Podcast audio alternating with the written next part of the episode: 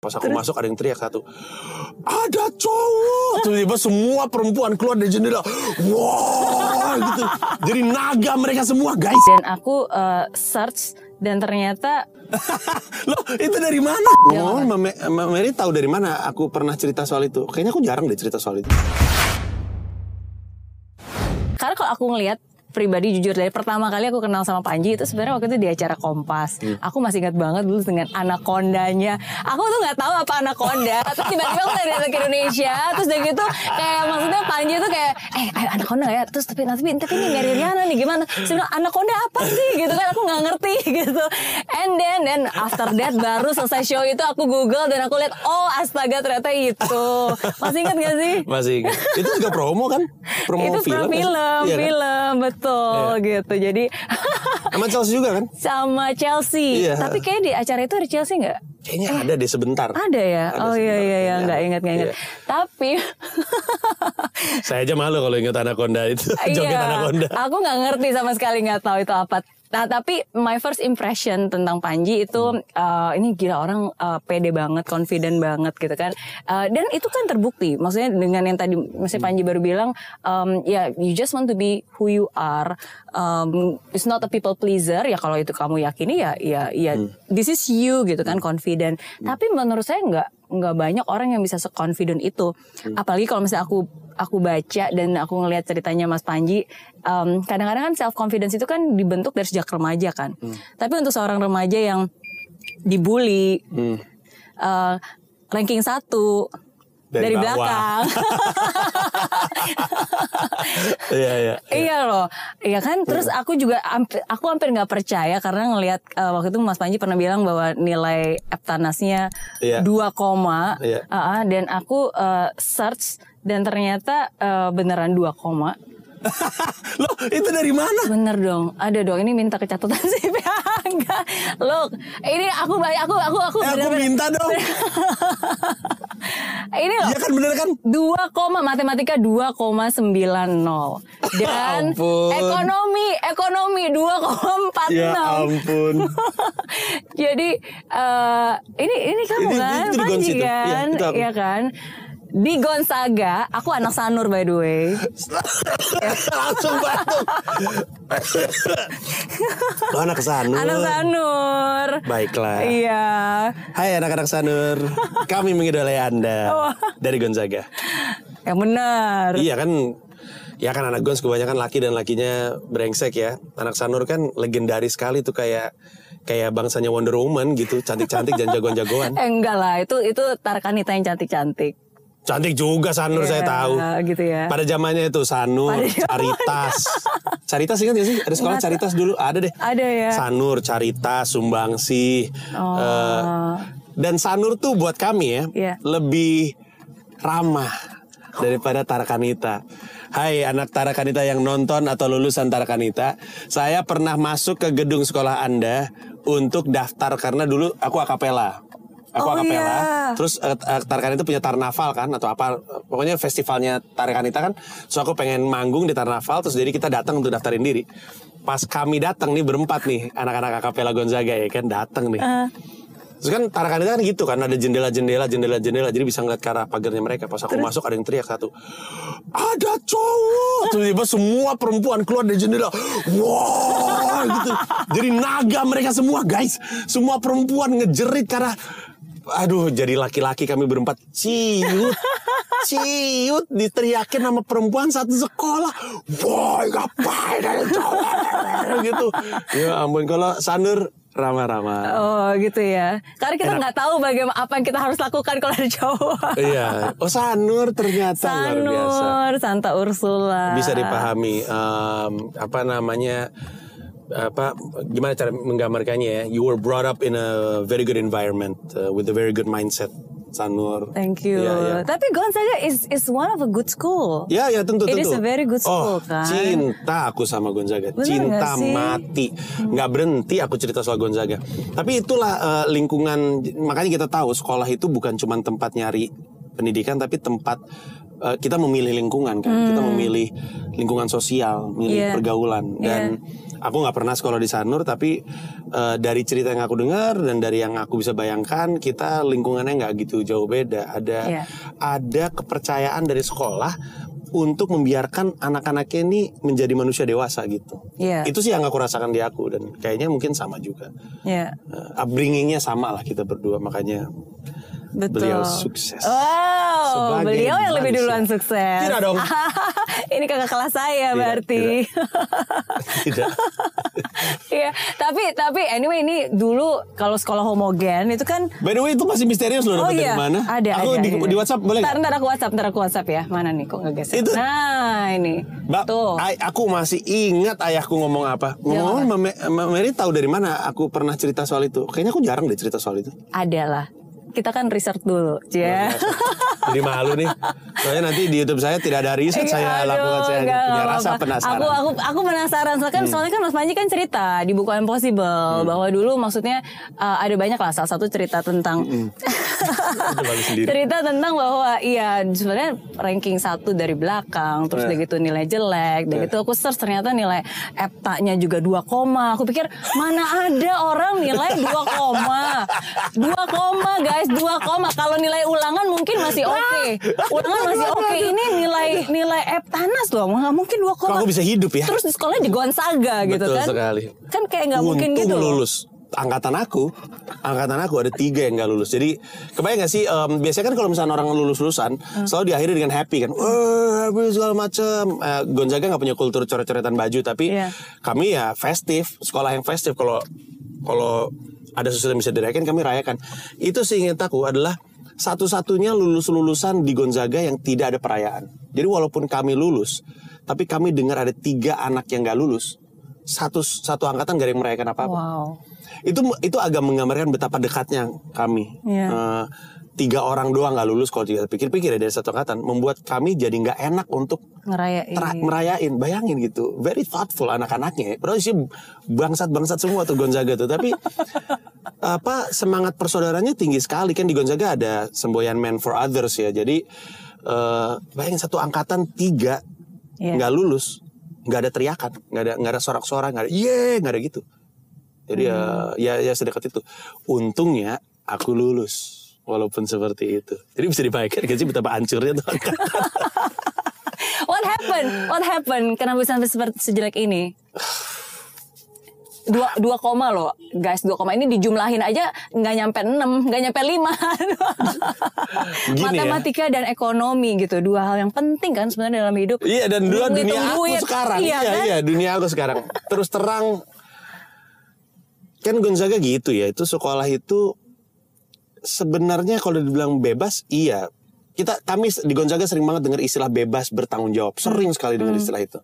Dan memang itu terasa di Gons. Jadi lu mau ngapain ya terserah yang lu tanggung jawab sendiri. Jadi makanya em, guru-guru di Gonzaga juga lu mau dengerin nggak dengerin ya udah nggak apa-apa. Ini kan uang uang lu sendiri. Ya lu tanggung jawab aja sama yang kesempatan yang diberikan kepada lu. Dan aku karena kebebasan itu aku jadi mungkin sembarangan gitu Em, pokoknya seingat aku ya strategi aku adalah gue tahu gue jelek di matematika kayaknya gue jelek di ekonomi coba gue bagusin di olahraga dan bahasa Inggris berapa tuh nilainya ya?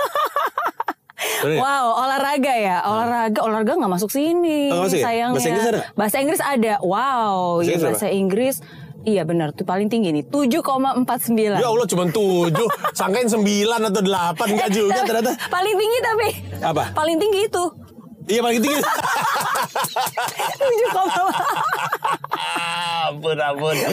Aduh blon banget. Aku ingat Waktu ayahku pegang itu Dia ngomong gini. Dia bergumam. Dia nggak ngomong ke aku Dia ngomong gini. Bapaknya insinyur listrik Anaknya matematikanya dua. Udah selesai Selesai. Dia udah nyerah. Dia udah nyerah. Gue nggak tahu udah mau ngapain lagi.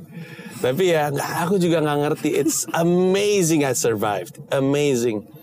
Bahkan waktu kelas 1 SMA di Gonzaga Aku dapat kabar dari gurunya langsung Angkatan aku eh sorry kelas aku itu ada dua orang yang harus diputuskan siapa yang nggak naik kelas. Dua-duanya nanya sama buruknya. Kelas Oh, iya. satu loh, satu SMA udah nggak naik kelas tuh. Jadi ada aku sama Yovan. Mhm. Eh, belakangan jadi sahabat aku pas pas SMA. Terus gurunya ini para guru di Gonzaga diskusi siapa nih yang nggak naik nih Yovan atau Panji. Terus akhirnya keputusannya split decision Yovan yang nggak naik eh yang yang nggak naik aku naik gitu. Dan waktu itu kesimpulannya apa? Nggak jelas deh kesimpulannya itu. tapi setipis itu tuh gak naik kelas. Setipis itu juga untuk lulus. Gila emang. Emang gila gue nih. Iya iya. Luar biasa. Tapi tapi ayah nggak marah? Hmm, marah nggak? Ayah- maksudnya ngomong ini sambil kayak ini kenapa sih nilai seperti kayak gini? Gitu. Ayah tuh sebenarnya galaknya minta ampun. Tapi tapi kepada anak nggak pernah segalak itu dan nggak tahu pasti ya orang kan udah meninggal sih jadi nggak bisa ditanya. Tapi uh, selalu ada kesan dari ayah dan ibu bahwa mereka nggak pengen anak-anaknya harus jadi kayak mereka. Kayak ibu kerja di bank. Eh, mereka ibu nggak mengharuskan anak kerja di perbankan. Ayah ayah karateka atlet nasional bahkan. Iya. nggak pernah maksa anaknya jadi karateka. Jadi mungkin ayah juga ngerasa emang ini anak nggak bisa dipaksain untuk bisa dan suka matematika kalau misalkan emang dia nggak kuat di situ ya udah. Nggak pernah nggak dan dan udah lewat masa-masa ayah fokus untuk ngedrill eh, apa ya ngedrill matematika. Dulu waktu SD di drill bener-bener sebelum cerai. Ketika ada cerai ya udah eh, jadi jadi lepas gitu. Ayah juga jadi nggak bisa ngontrol gitu. Jadi ya udah mau gimana lagi? Iya, iya. Ta- tapi em, tapi kamu pede aja gitu. Maksudnya sometimes aku ngebayangin gitu ya, aku ngebayangin kalau anak remaja SMA, terus apalagi pengalaman sebelumnya juga di SMP katanya pernah dibully. Terus nilainya di SMA pelajaran juga masih sebenarnya. Masih dibully juga. masih juga? dipukulin ya. Telanjangin. Oh iya, bercanda. ada yang bercanda ada yang tidak iya tapi tapi eh, kalau pertanyaannya pede atau enggak? Nah, tapi kan maksudnya untuk anak remaja seperti itu apalagi nilai, maksudnya Hmm. sesuatu yang dibanggakan yaitu pergaulan, nilai, kepintaran, jago olahraga. Tapi kan you don't have it at that oh tapi time. dulu iya. Dulu minder. Dulu nggak percaya diri dulu minder. Dulu semua personality trait yang buruk itu ada di diri aku zaman dulu. I Yeah. was a very sad kid. Um, orang aku aku suka cerita kok bahwa dan baru berani ngomongnya ketika udah punya anak ya udah dewasa udah berkarir. Bahwa kok aneh banget sih perasaan gue disuruh sekolah supaya pinter tapi kok di sekolah gue dibilang bego. Iya. kenapa jadi salah gue kan gue ditaruh di situ biar jadi pinter. Bikin dong gue pinter. Kenapa lu malah oh setelah lu masuk sekolah kesimpulannya adalah lu goblok gitu. Kan salah gitu. Iya. tapi itu baru berani aku bilangin ya sekarang. Dulu aku adalah bagian dari sistem tersebut nggak bisa ngelawan gitu cuma bisa terima. Jadi ya em, dulu aku kalau ditanya aku sangat minder sangat dulu aku nggak berani ngomong beda bahkan nggak berani punya inisiatif. Takut salah dan dilihat bego. Em, dan aku pemalu sekali saking malunya dan ini sama sekali nggak bohong. Dulu aku SMP SMP 29 kan itu kan di jalan bumi jalan bumi kan rame banget tuh satu arah rame banget nyebrang jalan aja nyebrang dari eh, SMP 29 untuk ke seberang nyebrang aja malu diliatin orang dari dalam mobil Padahal mungkin orang yang di dalam mobil juga nggak nggak peduli. Nggak peduli. iya, cuman apa sih gitu. Tapi aku malu diliatin sama orang karena nggak ngerasa pede. Aku kecil, aku borokan, terus eh, ya datang dari lingkungan orang-orang nggak nggak nggak tahu dan nggak peduli. Tapi aku merasa dulu punya rumah di Simpruk, terus nggak punya rumah. Jadi aku ngerasa eh, ya miskin, nggak ada nilainya. Eh, nilai di sekolahnya buruk, nggak dianggap pinter. Aku pernah bilang, sebelum gua sekolah, gua adalah anak yang percaya diri. Justru sekolah bikin gak percaya diri. Dulu waktu aku sebelum sekolah semua lomba aku ikutin, walaupun kalah, tapi aku ikutin semuanya. Karena orang tua aku bilang bahwa eh, kamu berbakat, kamu bisa gambar dan segala macam, Ya udah ikutin aja. Atletik aku ikutin, em, persani aku ikutin, semua aku ikutin. Tapi ada di sekolah berkali-kali dan berkali-kali dibilang lu ranking bawah, lu ranking bawah, ranking bawah. Lama-lama membuat aku merasa apa jangan-jangan gue bego ya gitu.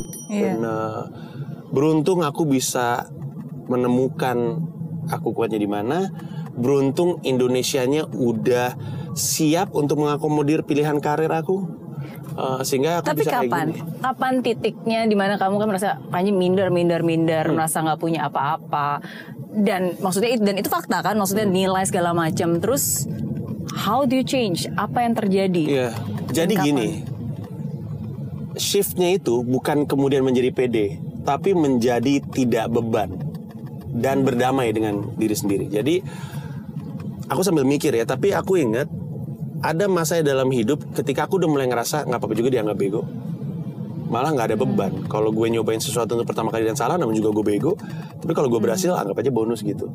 Nah dimulai dari itu. Dimulai dengan berdamai bahwa aku nggak harus pinter aku nggak harus sesempurna yang orang pikir. Eh, nggak ada juga yang bisa aku ubah dari keadaan aku. Emang akunya seperti ini gitu. Dimulai dari berdamai dan menerima diri apa adanya. Em, pede aku lebih ke yakin daripada pede sama nggak yakin dan pede kalau pede kan percaya diri ya Iya. aku cuman yakin aja apa yang aku lakukan akan baik-baik saja. itu kayaknya goblok ya, itu kayaknya bodoh deh itu. Jadi jadi awalnya saat minder, Iya. lalu berdamai dengan kekurangan, lalu ya udah lakuin aja. Oh seni rupa, Oh. Fakultas Seni Rupa ITB itu yang membantu aku untuk ya udah gue ngelakuin apa pun yang gue mau karena Hmm. itu adalah fakultas yang nuansa seninya kan besar, nuansa eksperimentalnya juga gede. Baik seniman ataupun desainer atau eh, pelaku kriya, itu kan banyak nuansa coba-coba gitu. Hmm. Nah bayangin hidup empat setengah tahun di kampus, di mana semua orang bebas ngelakuin apa pun, bebas. Nggak ada yang nggak akan ngejudge kita, nggak akan ada yang ngeliat kita apaan sih. Namanya juga lingkungan seni Iya. se se aneh-anehnya perilaku orang selalu bisa diterima dengan dalih dia lagi berkesenian. Nah karena empat setengah tahun aku kayak gitu dan ngelihat ini benar-benar seni rupa, rasanya sungguh membebaskan ngelihat semua orang di depan mataku tuh menjadi dirinya sendiri dan gak takut dinilai. Hmm. Jadi ya ada orang namanya Wisnu aku ingat. Suatu hari dia cuma pengen bikin lingkaran aja di lapangan.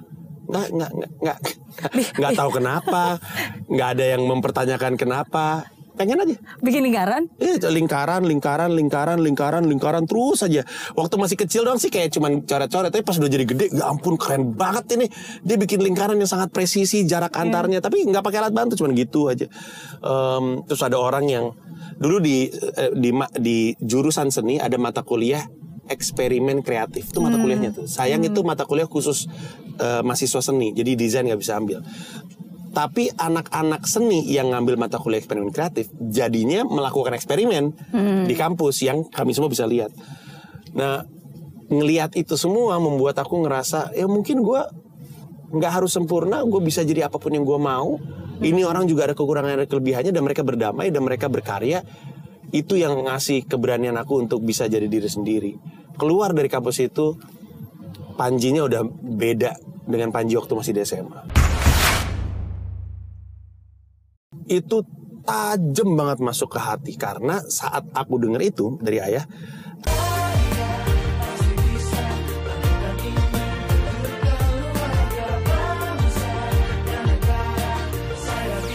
Ya, ah, tanpa hujan, hidup tanpa tujuan, kering dan mati tanpa hijaunya tumbuhan. Ah, demikian kalau mimpi tak kunjung terjadi.